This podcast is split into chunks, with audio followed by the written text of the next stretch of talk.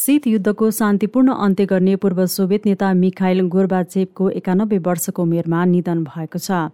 सन् उन्नाइस सय पचासीमा सोभियत सत्तामा पुगेका गोबाचेपले तत्कालीन सोभियत सङ्घलाई विश्वका लागि ढोका खोलेको र सुधारको खाका प्रस्तुत गरेको बताइन्छ। तर उनले सोभियत सङ्घको पतन रोक्न भने सकेनन् जसका कारण आधुनिक रुसको उदय भयो। उनको निधनमा विश्वभरका नेताले श्रद्धाञ्जली अर्पण गरेका छन्। संयुक्त राष्ट्रसङ्घका महासचिव एन्टोनियो गुटरेसले उनको मृत्युपछि सन्देश जारी गर्दै गोर्बाचेवले इतिहासको पाठ्यक्रम परिवर्तन गरेको टिप्पणी गरेका छन्। मिखाइल गोर्बाचेव एक दयालु राजनीति थिए महासचिव गुटरेसले भनेका छन्। रुसी राष्ट्रपति भ्लादिमिर पुटिनले अन्तिम सोभियत नेता गोर्बाचेवको निधनप्रति गहिरो सहानुभूति व्यक्त गरेका छन्। क्रेमिलिनका प्रवक्ता दिमित्री पेस्कोभले भने राष्ट्रपति पुटिनले मिखाइल गोर्बाचेवको मृत्युप्रति गहिरो सहानुभूति व्यक्त गर्नुभएको छ। यता अमेरिकी राष्ट्रपति जो बाइडेनले पनि रुसको राजधानी मस्कोमा एकानब्बे वर्षको उमेरमा निधन भएका पूर्व सोभियत नेता मिखाइल गोर्बाचेपलाई विश्वलाई सुरक्षित स्थान बनाउने दुर्लभ नेताको रूपमा टिप्पणी गरेका छन्। यी दुर्लभ नेताका यस्ता कार्य थिए एउटा भिन्न भविष्य सम्भव छ भन्ने कल्पना र साथ हेर्ने र यसलाई प्राप्तिका लागि आफ्नो सम्पूर्ण करियरलाई जोखिममा राख्ने साहसी थिए बाइडेनले अगाडि भनेका छन्। त्यसको परिणाम सुरक्षित संसार र लाखौं मानिसहरूका लागि ठूलो स्वतन्त्रता थियो। गोर्बाचेप महत्वपूर्ण भिजन भएका व्यक्ति थिए बाइडेनले बताएका छन्। लामो समयदेखि बिरामी भएका गोर्बाचेपको मङ्गलबार निधन भएको थियो। सन् उन्नाइस सय पचासीदेखि उन्नाइस सय एकानब्बेसम्म शक्तिमा रहेका उनले अमेरिका र सोभियत सम्बन्धलाई सुधार्ने सहयोग गरेका थिए। उनी शीत युद्धका अन्तिम नेता पनि रहेका छन्। चिनिया कम्युनिस्ट पार्टीको बिसौँ महाधिवेशन आगामी अक्टोबर सोह्रदेखि राजधानी बेजिङमा आयोजना हुने भएको छ। चिनिया कम्युनिस्ट पार्टी केन्द्रीय समितिको राजनीतिक ब्युरोले मङ्गलबार चिनिया कम्युनिस्ट पार्टीको उन्नाइसौँ केन्द्रीय समितिको सातौँ पूर्ण बैठक र बिसौँ चिनिया कम्युनिस्ट पार्टीको राष्ट्रिय महाधिवेशनको तयारीका लागि बैठक आयोजना गरेको हो। चिनिया कम्युनिस्ट पार्टी केन्द्रीय समितिका महासचिव सी जिङपिङको अध्यक्षतामा बसेको सो बैठकले पार्टीको बिसौँ महाधिवेशन अक्टोबर सोह्रमा बेजिङमा आयोजना गर्ने प्रस्ताव गरेको हो। बैठकले चिनिया कम्युनिस्ट पार्टीको उन्नाइसौँ केन्द्रीय समितिको सातौँ पूर्ण बैठक अक्टोबर नौ तारिक बेजिङमा आयोजना गर्ने निर्णय गरेको छ। सम्पूर्ण पार्टी र सिङ्गो राष्ट्रले सबै हिसाबले आधुनिक समाजवादी देश निर्माणको नयाँ यात्रामा अघि बढेकाले बिसौँ चिनिया कम्युनिस्ट पार्टीको राष्ट्रिय महाधिवेशन महत्वपूर्ण क्षणमा बोलाइने महाधिवेशन भएकोमा जोड दिएको छ। महाधिवेशनले चिनिया विशेषता सहितको समाजवादको लक्ष्यमा मार्क्सवाद लेलिनवाद माओ सेतुङ विचारधारा देङ सियाओ पिङ सिद्धान्त तीन प्रतिनिधिको सिद्धान्त र विकासको वैज्ञानिक दृष्टिकोणलाई समर्थन गर्ने र पूर्ण रूपमा कार्यान्वयन गर्ने जनाइएको छ। त्यसै गरी महाधिवेशनले कार्ययोजना र प्रमुख नीतिहरू तर्जुमा गर्ने पार्टीका सबै सदस्य र देशका सबै जात जातिलाई इतिहासप्रति विश्वास कायम गर्न ऐतिहासिक पहललाई सुदृढ गर्न भएका कामका आधारमा नयाँपन र बहादुरीका साथ अगाडि बढ्नका लागि परिचालन गर्ने पनि बताइएको छ। पञ्च क्षेत्रीय एकीकृत योजना र चारपक्षीय एकीकृत योजनालाई अगाडि बढाउनका लागि पार्टी सदस्यहरू र देशभरका सबै जात जातिका मानिसहरूलाई परिचालन गरिने पनि बताइएको छ। साथै सबैको साझा समृद्धिलाई अगाडि बढाउने पार्टी निर्माणको महान नयाँ परियोजनालाई अगाडि बढाउने र मानवताको साझा भविष्य सहितको समुदायको निर्माणलाई प्रवर्धन गर्ने गरी समन्वयात्मक ढङ्गले विस्तारित वृहत रणनीति निर्माण गरिने पनि जनाइएको छ। चीनलाई आधुनिक समाजवादी राष्ट्रको रूपमा निर्माण गर्न र चिनिया राष्ट्रको महान पुनर्जागरणलाई सबै पक्षमा अगाडि बढाउनका लागि सबै पार्टीका सदस्यहरू र देशका सबै जात जातिका जनतालाई एकसाथ काम गर्न परिचालन गरिने पनि बताइएको छ। महाधिवेशनले अन्तर्राष्ट्रिय र घरेलु परिस्थितिको गहन समीक्षा गर्दै नयाँ युगमा पार्टी र देशको विकासका लागि नयाँ आवश्यकताका साथै जनताका नयाँ अपेक्षालाई व्यापक रूपमा बुझ्ने गरी निर्णय लिने पनि जनाइएको छ। पाकिस्तानमा एकजना राजनीतिक नेताको हत्या भएको छ। पाकिस्तानको उत्तरी बजिरिस्तान जिल्लामा जमात उलेमा ए इस्लाम फलजलका स्थानीय नेताको गोली हानी हत्या भएको पाकिस्तानबाट प्रकाशित हुने डन अखबारको अनलाइन संस्करणले जनाएको छ। प्रहरीका अनुसार बन्दुकधारीले स्थानीय नेता करी शमसुद्दिन र उनका साथी हफिज नुमान दवारको हत्या गरेका हुन्। स्थानीय इदे गाउँ जाने क्रममा उनीहरू चढेको कारलाई बीच सडकमा रोकिएको थियो त्यसपछि बन्दुकधारीले उनीहरूमाथि गोली चलाएका थिए।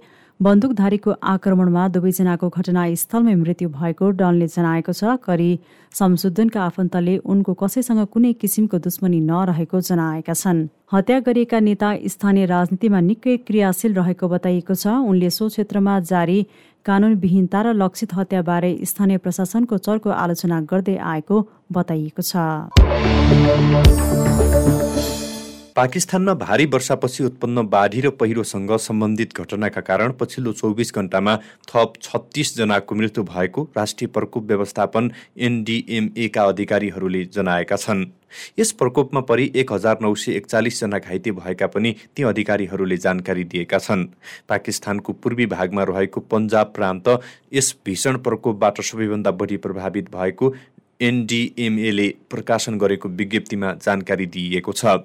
सो क्षेत्रमा बाढी र वर्षा सम्बन्धित घटनामा परि उन्नाइसजनाको मृत्यु हुनुका साथै एक हजार नौ सय उन्नाइसजना घाइते भएका एनडिएमएले जानकारी दिएको छ। त्यसपछि बाढीबाट प्रभावित प्रान्तमध्ये दोस्रो स्थानमा खैबर पाख्तुङख्वा रहेको छ। त्यहाँ नौजनाको मृत्यु भएको समाचारमा जनाइएको छ। वर्षा र बाढी प्रभावित क्षेत्रमा एक हजार पाँच सय एकानब्बे किलोमिटर सडक र एकासी पुल र तीनवटा पसल क्षतिग्रस्त अवस्थामा पुगेका छन्। पाकिस्तानमा यस वर्षको मौसमी वर्षा सुरु भए यता एक हजार एक सय बैसठी व्यक्तिको मृत्यु हुनुका साथै अन्य तिन हजार पाँच सय चौवन्नजना घाइते भएका एनडिएमएले जानकारी दिएको छ। एनडिएमएनका अनुसार यस प्रकोप सुरुवात भए यता एक लाख अठार हजार दुई सय सडचालिस व्यक्तिको उद्धार गरिएको छ। हाल चार लाख बैसठी हजार दुई सय छत्तिस व्यक्ति अस्थायी शिविरमा बस्दै आएका छन्। यस प्रकोपको कारण तीन करोड तिस लाख छयालिस हजार तिन सय उन्तिस व्यक्ति प्रभावित भएको जनाइएको छ। बाढी प्रभावित क्षेत्रमा उद्धार कार्य गर्न एनडिएमए र अन्य सरकारी सङ्गठन गैर सरकारी सङ्गठन र स्वयंसेवकको सहभागिता रहेको जनाइएको छ। मुसलधारे वर्षापछिको बाढीले पाकिस्तानको एक तिहाई भाग डुबानमा परेको छ। बाढीमा अहिलेसम्म एघार सय जनाको मृत्यु भएको छ। मृत्यु हुनेमा तिन सय अस्सी बालबालिका रहेका छन्। पाकिस्तानको बाढीलाई अप्रत्याशित जलवायु विपत्ति भन्दै राष्ट्रसङ्घले सहयोगका लागि आह्वान समेत गरेको छ। भारी वर्षापछिको विनाशकारी बाढीले घर व्यवसाय पूर्वाधार र बालीहरू ध्वस्त पारिदिएको छ।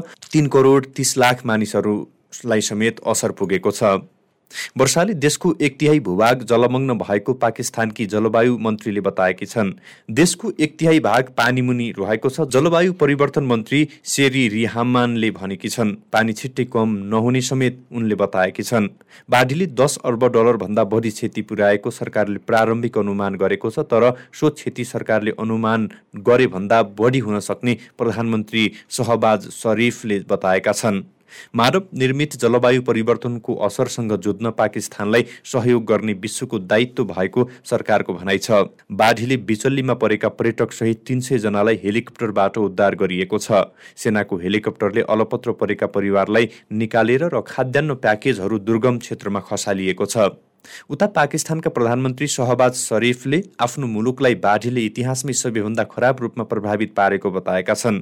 प्रधानमन्त्री शरीफले बाढीका कारण पाकिस्तानमा अहिले इतिहासमै सबैभन्दा बढी क्षति पुगेको बताउँदै सहयोगका लागि सबैसँग अपिल गरेका हुन्। उनले पाकिस्तानी नागरिकका साथै विदेशी दाता निकाय तथा देशसँग सो अपिल गरेको प्राप्त समाचारमा जनाइएको छ। बाढीका कारण विस्थापित भएका व्यक्तिको सङ्ख्या दसौँ लाख भएकाले उनीहरूको उद्धार पुनर्स्थापना र राहतका लागि ठूलो आर्थिक सहयोग आवश्यक परेको उनको भनाइ छ। पाकिस्तानका कैयौँ क्षेत्रमा बाढीले गरेको क्षति न्यूनीकरणका लागि सरकारले प्रयत्न गरिरहेको भए पनि सबै नागरिकलाई बास र खानपिनको उचित व्यवस्थापन गर्न सम्भव हुन सकेको छैन। त्यसैले उनीहरूलाई राहत र पुनर्स्थापनाका लागि ठूलो मात्रामा आर्थिक सहयोग आवश्यक परेको भन्दै अन्तर्राष्ट्रिय समुदायसँग पाकिस्तानी प्रधानमन्त्रीले सहयोगको अपिल समेत गरेका छन्। पाकिस्तानमा केही समय यता अविरल रूपमा वर्षा भइरहेको छ। र दक्षिण कोरिया न्युजिल्यान्ड र मलेसियामा कोभिड नाइन्टिन संक्रमणबाट ज्यान गुमाउनेको संख्या पछिल्लो चौबिस घण्टामा पनि अप्रत्याशित रूपमा बढेको छ। चिनिया समाचार संस्था सिन्हुवाका अनुसार पछिल्लो चौबिस घण्टामा दक्षिण कोरियामा पचहत्तर मलेसियामा चार र न्युजिल्यान्डमा थप सत्रजनाको मृत्यु भएको छ। न्युजिल्यान्डको स्वास्थ्य मन्त्रालयले आज जनाएअनुसार अघिल्लो महिनाको तुलनामा नयाँ संक्रमितको संख्या लगातार घटेको छ। मङ्गलबार मध्यरातसम्मको विवरण सार्वजनिक गर्दै सरकारी अधिकारीहरूले आज देशका विभिन्न भागमा दुई हजार दुई सय चौवालिसजना नयाँ बिरामी थपिएको बताएका छन्।